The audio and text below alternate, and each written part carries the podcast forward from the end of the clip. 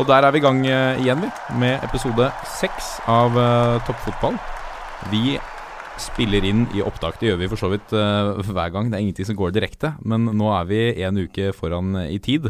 Så vi skal prøve å ikke snakke om så mye hvordan det går i, har gått i EM i helga, for det, det veit vi ikke.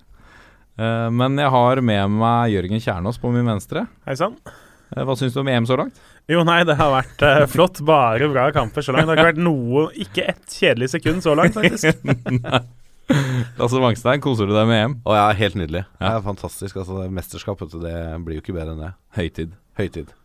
Og så har vi med oss, uh, for en ære, Morten Gallaasen fra Fotballuka. Velkommen. Ja takk. To ganger på rad, da, gitt. Ja. Helt uh, perle. Hvilket lag er ditt Hvem holder du mest med i, i EM? Ehm, nei, det blir Island, altså. Ja, det gjør det. Mm. Har du trua? Nei. Nei. Uh, jeg tror faktisk de kan gå videre som uh, en av de fire beste treerne. Det Ja. kan godt være. Ja. Men uh, da skal de være fornøyd. Da skal du være fornøyd. Vi skal jo snakke litt om Vi kan gå direkte over egentlig til å snakke litt om Island, mens mm. vi er inne på det. Det er jo en litt spesiell Altså Dette er jo et, eh, en spesiell opplevelse for, eh, for Island, ikke minst. Altså At vi skulle se et del land der med Hvor mange er som bor der? Er det 400 000? 500 000? Ja, det er noe rundt der. Det er godt under halvmillionen, i hvert fall. Så Rett i underkant av 400 000, tror jeg. Ja. Helt uh, fantastisk. Og med ganske mange også med bakgrunn fra Tippeligaen, eh, Kjernås. Ja, vi har vel eh, nesten halve troppen har tilknytning til norsk fotball ved at de enten er her nå eller har vært innom eh, i større eller lengre tidsspenn. Så det er klart at i mangel på Norge i mesterskapet, så blir det jo Island som sikkert blir kjæledeggen til ganske mange her til lands.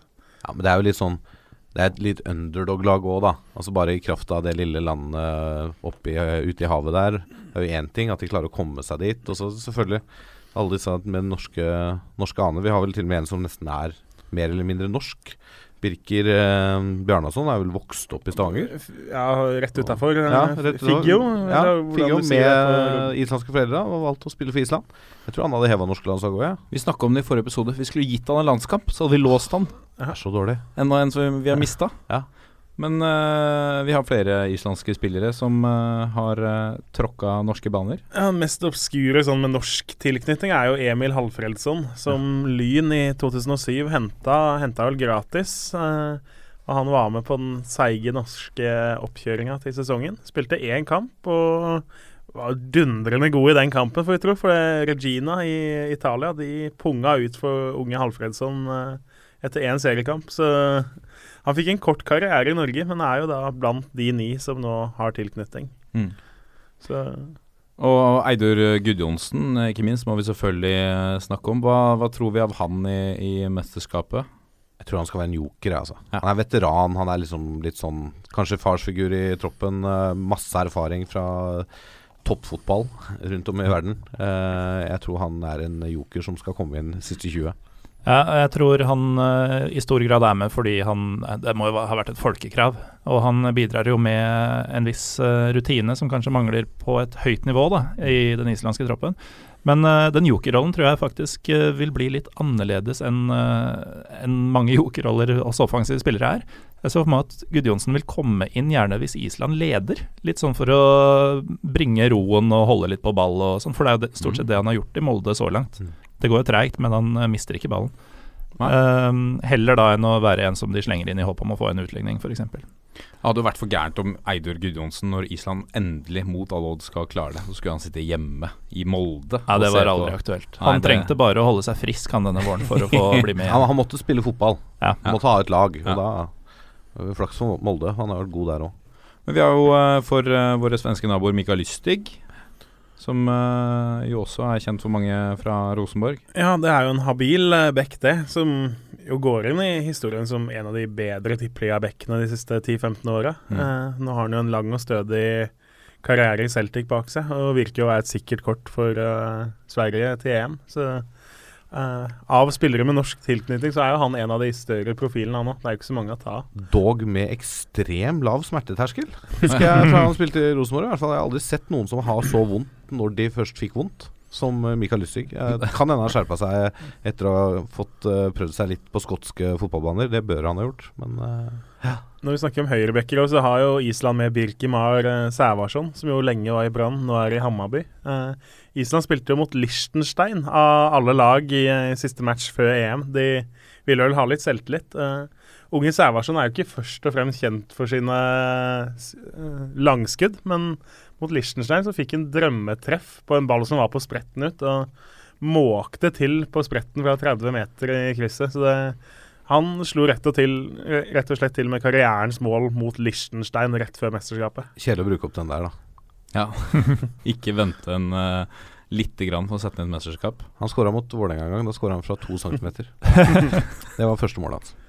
En mann som ikke er med i troppen, er jo en uh, gammel uh, en gammel kjenning både for norsk fotball og for deg, Lasse Wangstein og Vålerenga. Vidar Røen Kjartason. Ja, det er jo målsson. Ja, Kjartansson er målskårer, da. Og mm. har jo kom ja, kanskje litt treigt i gang i Malmö, men har jo nå bøtta inn igjen da, i kjent stil. Mm. Eh, Syns det er litt rart, men det kan være litt spilletypen, da. Han er vel kanskje ikke den derre klassiske islandske spilleren. Sånn har det jo vært en stund at Jon Dadi Bødvarsson, som jo spilte Viking fram til i fjor, ja. eh, har jo ikke vært like god sånn i, i tippeligaen, men helt annen spillertype som jobber knallhardt og løper på alt av baller. men det gjør Vidar Ørn Kjartansson nå, altså, men på en litt annen måte kanskje. Han er kanskje litt mer ja, nei, I hvert fall klart at Lars Lagerbäck liker Bødvarsson bedre enn Kjartansson. Det, det kan vi vel konkludere sikkert med. Ja.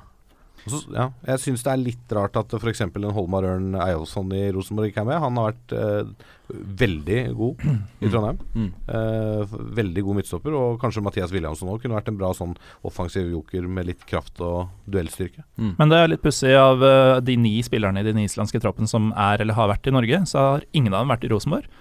Eh, men de to, eh, så vidt jeg vet, er det to spillere utenom Island som har tippeligaerfaring i hele EM. Og begge er tidligere Rosenborg. Det er jo Lustig, som noen nevnte, og så er det Borzek Dotskal på, mm. på Tsjekkia. Uh, og det Rosenborg har jo først de siste årene egentlig begynt med islendinger. Det var ja. Arason, og så var det ingenting, og så har de plutselig en haug nå. Ja, Arason, ja. Det stemmer, det. Hva er, hva er, det som er eh, Har vi gjort oss noen tanker om det? Hvorfor er vi på en måte et eh, en, eh, Vi er jo en utviklingsarena for islandske spillere. Det har vært en islandsk invasjon til tider i, i norsk tippeliga, norsk fotball. Det er jo et ganske naturlig steg, siden det er på en måte nærmeste Det er, de det er ikke så veldig mange andre øyer. er, er nei, Færøyene blir liksom ikke helt det samme. men tippeligaen er jo bedre enn ligaen på Island. Så de havner her Det er jo en del som havner i Sverige òg, men mm. Det har nå vært litt tradisjon, og norske klubber har jo hatt suksess. Det er få islendinger som har vist seg som bomkjøp eh, opp gjennom året. Uh, og så er det jo på Island det som er, de gjør der som vi ikke gjør, er jo at de har en ordentlig ordentlig satsing på spillere helt fra de er unge i alle klubber. De har målretta satsing og trenere som er betalt og syns det er stas å trene unge talenter. Så norske klubber veit hva de får. Det, det, er jo litt sånn stereotyp, men du får en seriøs, hardtarbeidende spiller eh, til en relativt billig penge, for det er ikke dyrt å kjøpe de spillerne på Island heller. Nei, det er nettopp det. Altså, spillerne fra Island var i hvert fall, og er vel fortsatt uh, rimelige, uh, kontra å kjøpe spillere fra andre tippeligalag, også førstedivisjon uh, osv. Uh, de er proffe, de er gjerne gode i engelsk, og de lærer også norsk fort, veldig mange av dem. Og Norge var og er vel fortsatt eh, et, eh, en, eh, et land, en liga, Åh, med, Vangstein. med flere speidere og agenter på tribunen enn en de har på Island. Selv om jeg ikke er helt sikker på om det gjelder lenger, for nå har det blitt så mye spillere derfra. Ja. Men uh, at nivået da også er noe bedre, det, det gir jo et bedre utstillingsvindu. Ja. Uh, så det er en veldig naturlig overgang.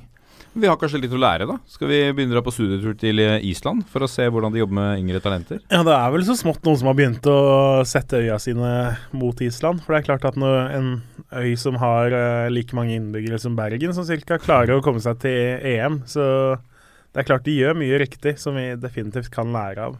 Men det finnes jo faktisk et uh, politisk parti på Island som uh, har som uh, eneste mål, egentlig, å bli Norges 20. fylke. Og da kan, man snakke om, eh, da kan man plutselig snakke positivt om uh, spillere som bytter landslag. Ja, absolutt. Hadde jeg hatt stemmerett på Island, så hadde jeg stemt uh, på dem. Mm. Men så er det jo uh, det Island gjør da med å sende Eller at spillere går til Norge. Kanskje Norge burde se litt på det mm. når vi skal ha proffer.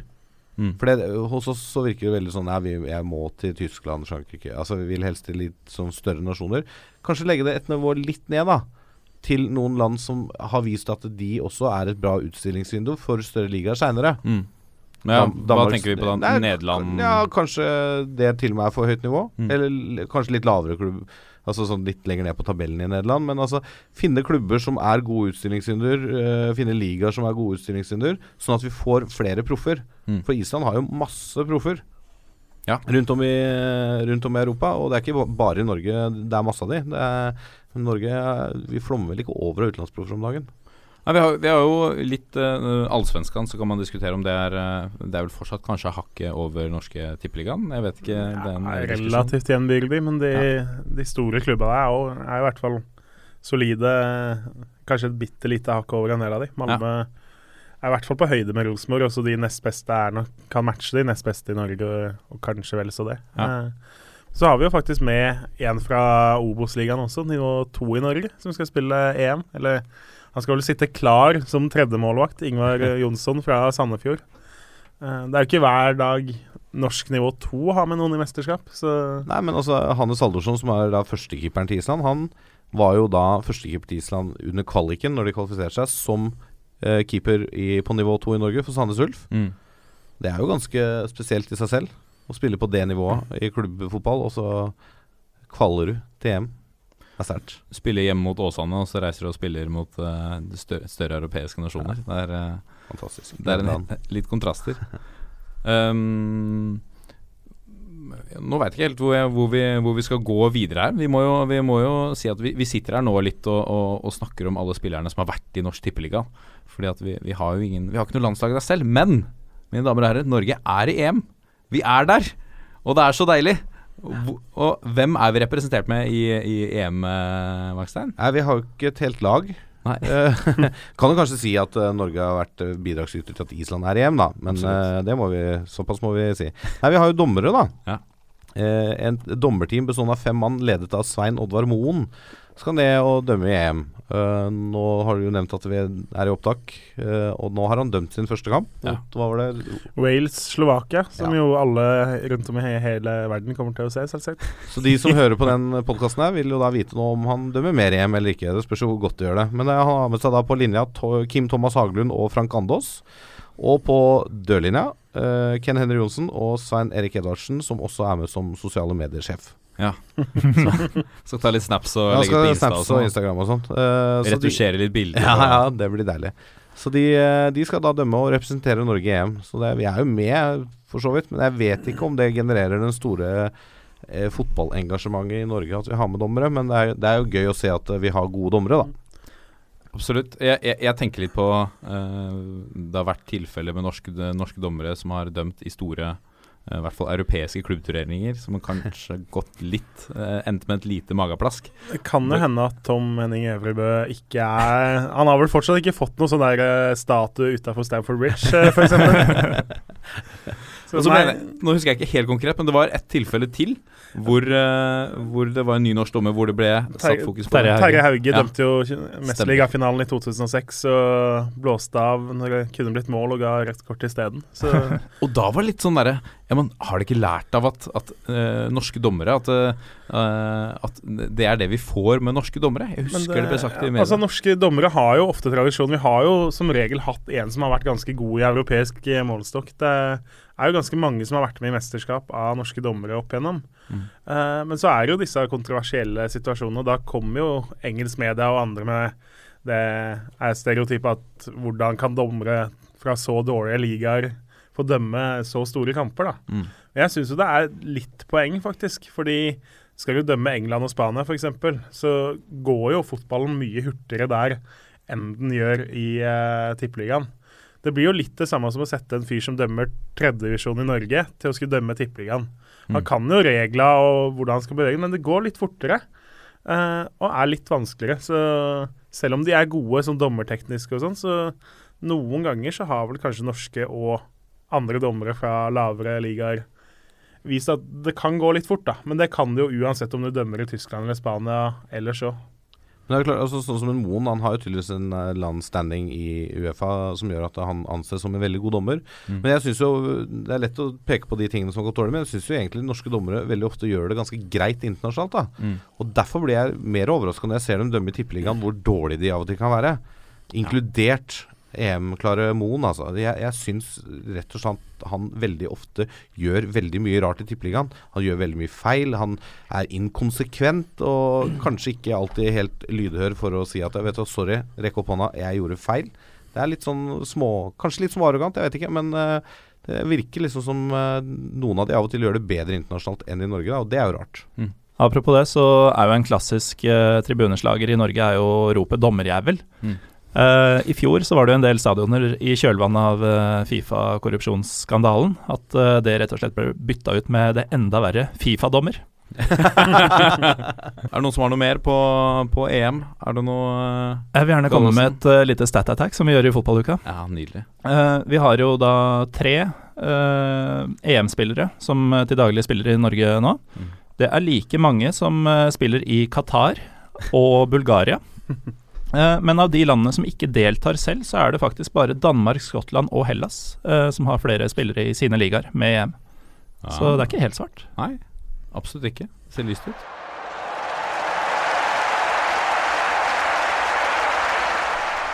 Så skal vi eh, nok en gang dra en gammel helt eh, opp av hatten. Og dette er en av de virkelige gamle gutta som har vært med på noe av det største, kanskje det største øyeblikket, mest sannsynlig det største øyeblikket vi har sett i norsk fotball noensinne. Tore André Flo. Altså, hvor, hvor begynner man? Eh, det er fristende å sende ballen videre til deg, Lasse. For, for han var jo en av mange lange, sterkete spisser i Vålinga som de kjøpte på rekke og rad.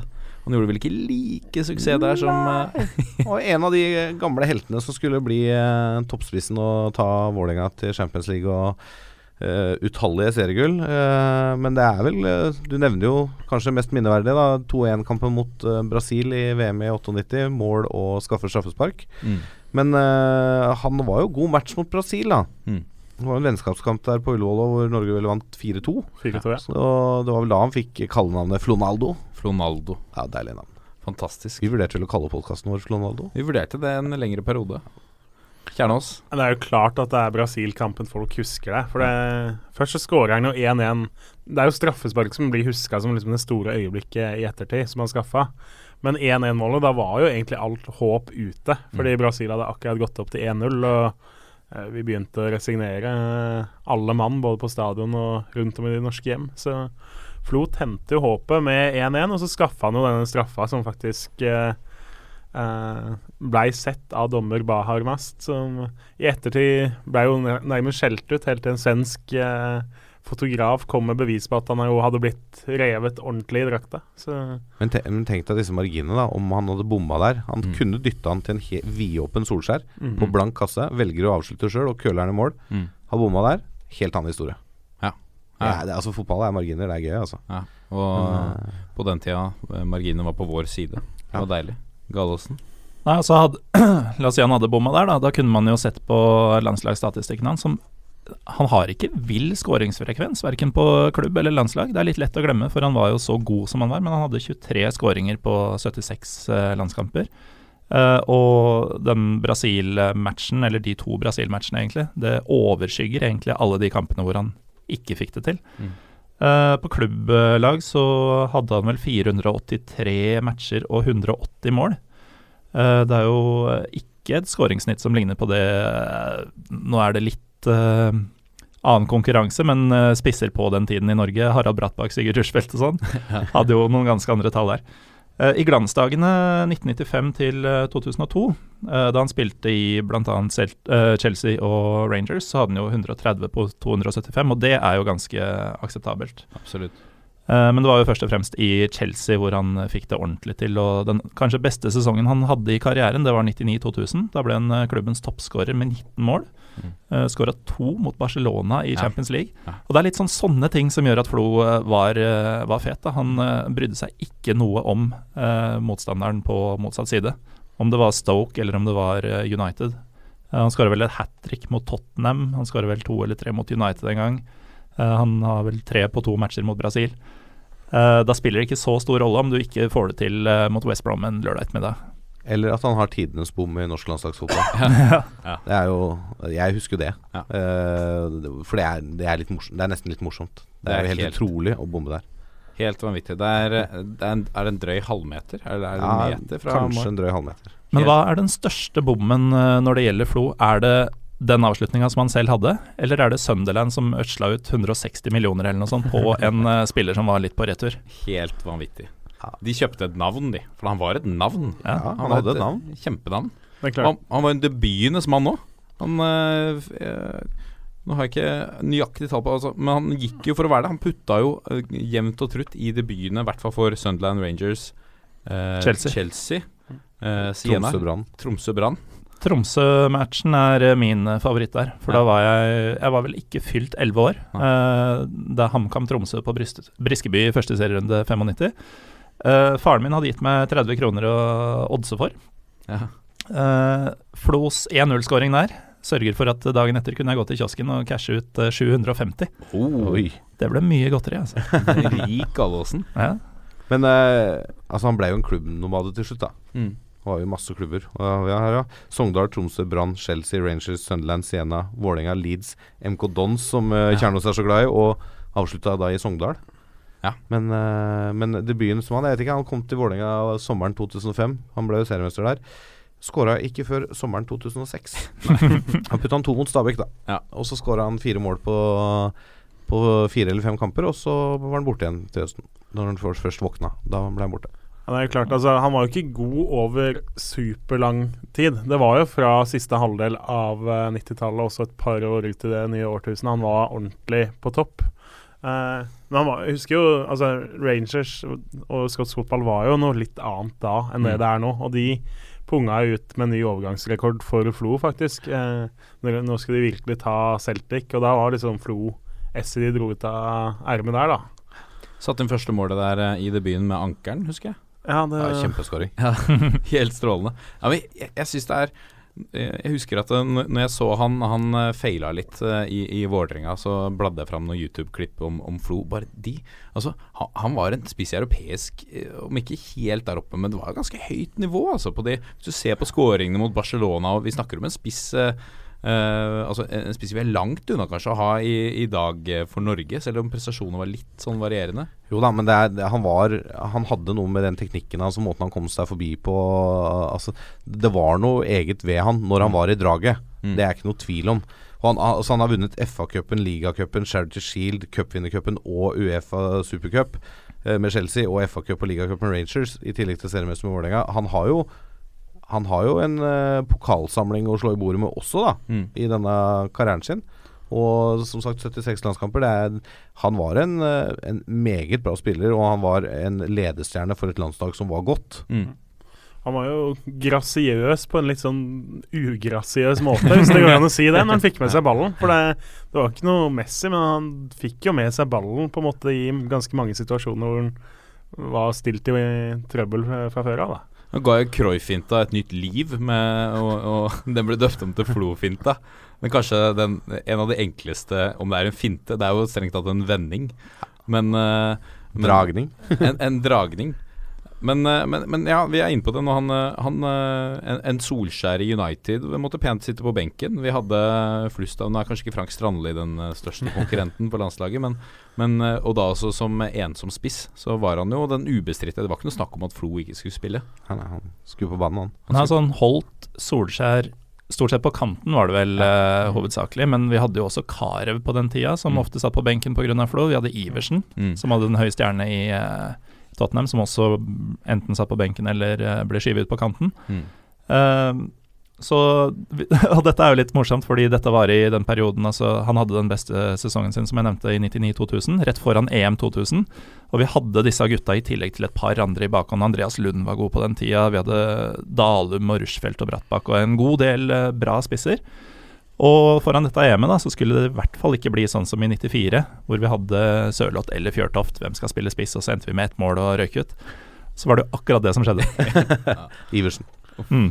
Iversen, ja. Myhre. Men så er det jo litt sånn med Flo, da. Altså avslutningen på karrieren hans. Mm. Han virka litt som en mann som ikke hadde lyst til å gi seg, men som ble tvunget til det. Og så, det ble jo liksom skadeplager og comeback eh, hele veien her. da ikke sant? Han la jo egentlig første gang opp i mars 2008, han. Eh, og så gjorde han da comeback for MK Dons i november samme år. Eh, og bommet på straffe som kunne sendt Dons til playoff til championship. Ære være han for det. Ja, Ja, det, det skal han ha takk for. Og da la han opp i Ja. våren 2009. Og så gikk det da to år, da. Så gjør han comeback i Sogndal. Ja. I 2011, to år etterpå. Det er ganske heftig når du har passert 35, altså. Ja. Eller hva det var.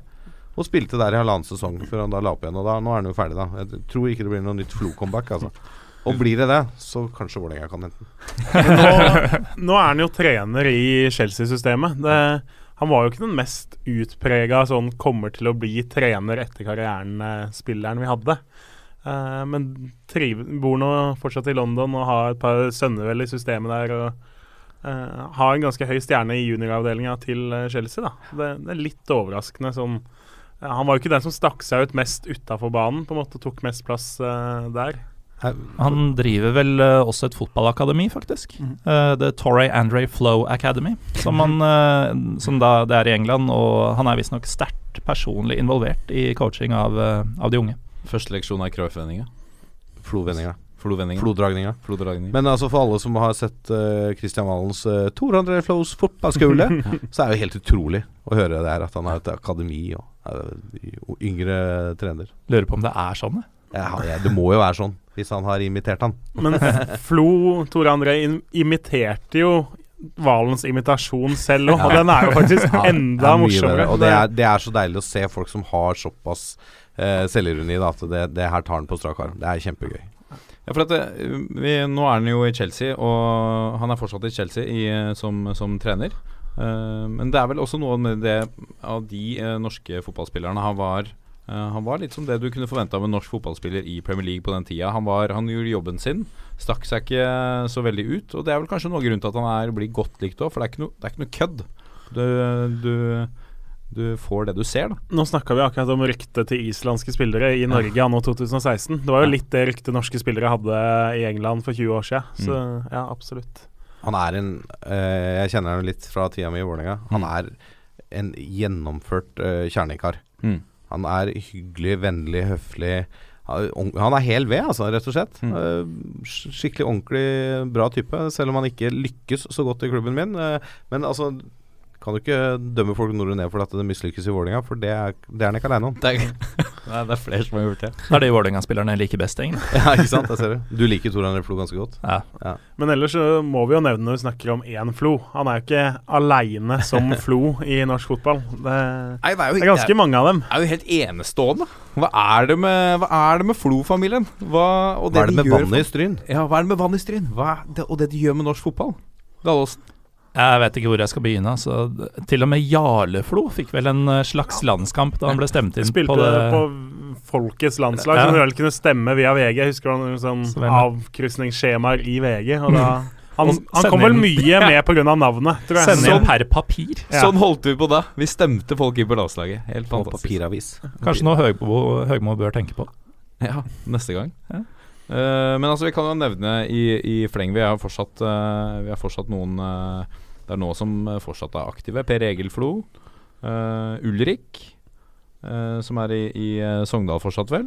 Nei, Ulrik spiller i Danmark nå. Han hadde, ny, hadde nylig et uh, flott intervju hvor han på overraskende kort tid har uh, blitt imponerende dyktig i dansk, faktisk. Ja. Det, hadde du ikke visst at det var Ulrik Flo, så kunne du nesten trodd at det var en danske som sto og ble intervjua av klubbens eh, kanal der. Han var innom Odd på veien, var det ikke det? Og Hadde et halvt år i Odd eh, og berga plassen for Odd 2 i andre divisjon i fjor. Stemmer. Og så må vi selvfølgelig trekke fram Jostein med størrelse Hvor store var de skoa? 65 eller 55 eller eh, noen helt vanvittig store bein. Fantastisk karriere i, i godset. Og et veldig temperament. Ja. ja. Litt, ikke Ja. så veldig lik broren sin der, kanskje? Nei. Helt forskjellig. Det er gøy. Ja det, ja, det er litt morsomt. da De er ganske forskjellige på akkurat det. Håvard eh, må du ha med. Håvard Eh, vi hadde jo faktisk tre mann med til VM i 98 fra Flo-familien, som alle spilte sentrale roller i det lille eventyret vi hadde der. To Flo-skåringer i, i VM. Ja, Håvard skårte jo dette 1-1-målet mot, eh, mot, Mot Skottland. Skottland. Nei, han skårte 1-0, gjorde han vel, og så ble det 1-1. Ja. Han skårte rett etter pause. Ja. Eh, i en usedvanlig skuffende fotballkamp, så vidt jeg husker. Men det målet Norge ble rundspilt til tider. Ja. Og mannen med færrest tenner i hele verden fikk utlignet ganske fortjent, vil jeg si. Og så har jo Sogndal har jo unge Fredrik Flo nå, som jo overraskende nok er en litt høy, hengslete angrepsspiller i avstanden. Så det Han har fått litt sjanser i oppkjøringa, eh, men Men hvem eh, avstammer han fra? Å gud, det går litt surr i dette familietreet, men er det Håvard han er Jeg, Du det, jeg tror det treet som eh, researchavdelingen i toppfotball har, uh, har henta inn, det tror jeg er litt gammelt. For jeg ser at det er her står gammel. Tore André Flo er 37 år gammel. Det, det, er, Det tror jeg han ikke er i dag, altså. Nei, jeg tror ikke det. Da kunne han spil, fortsatt spilt i Vålerenga, da. Ja, det kunne hun faktisk. Da var han i Vålerenga, faktisk. Ja.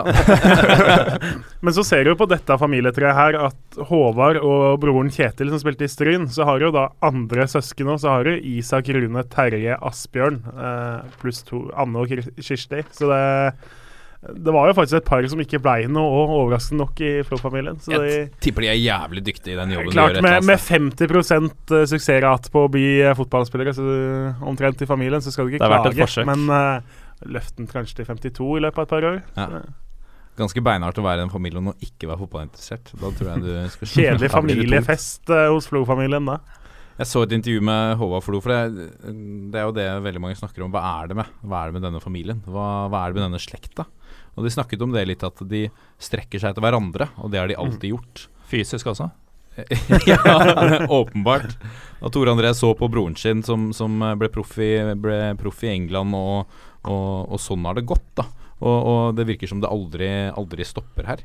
Det er lovende for norsk uh, fotball, dette. Vi får sette vår lit til Stryn. Jo da, men nå har vel kanskje ikke det Flo-navnet vært like eh, fremtredende i norsk fotball de siste 10-15 åra som det var Ja, Men gi det tid, Vangstein. Det Gi kommer. det litt tid. Så når da Ulrik og um, han derre um, Pregel eh, får barn Ja. Så det, det hopper over et ledd, det er Ja. det du sier. Ja. Eller Ja. sønnene til Tore André, da, når de eh, Ja, ja ikke sant Blir kjønnsmodne. Ja, Ja, de er jo proffer i Chelsea nå ganske snart. Ikke ikke sant? ja. Ja. Og tenk deg, plutselig har vi fire jeg, tror- Han har masse unger han nå, tror jeg. Så ja, vi fire får mange unger. det? ja, det, det gjør de. Det er ikke så rart det blir noen fotballspillere ut av det. Nei, du har oddsen på din side.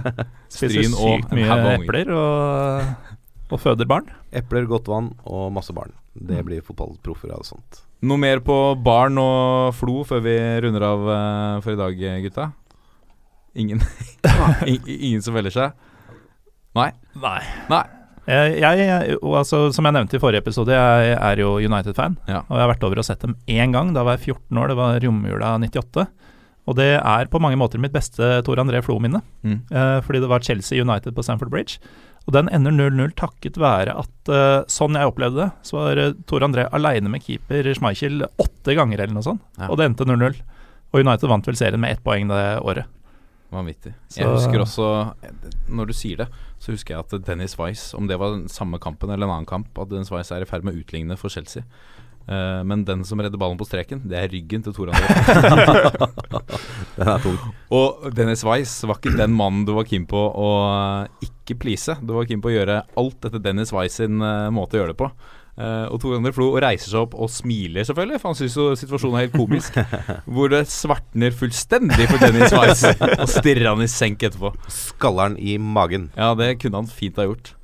Uh, vel, gutta, tusen takk. Dette var moro. Uh, vi er, jo. Ja. Ja, alltid gøy. Ja, det er veldig gøy. Eh, vi er uh, Toppfotball på Facebook, uh, Instagram, ikke på Snapchat. Kan ikke du få i gang det? Ja, Men vi er på Twitter. Vi er på Twitter. Gå inn Du, på nei, nei, Snapchat. Det var Håvard Lilleheie som skulle ta. Han skulle ta det. Han skulle lære seg det først, bare. ja, vi har sendt den på kurs, vi nå. Snapchat-kurs.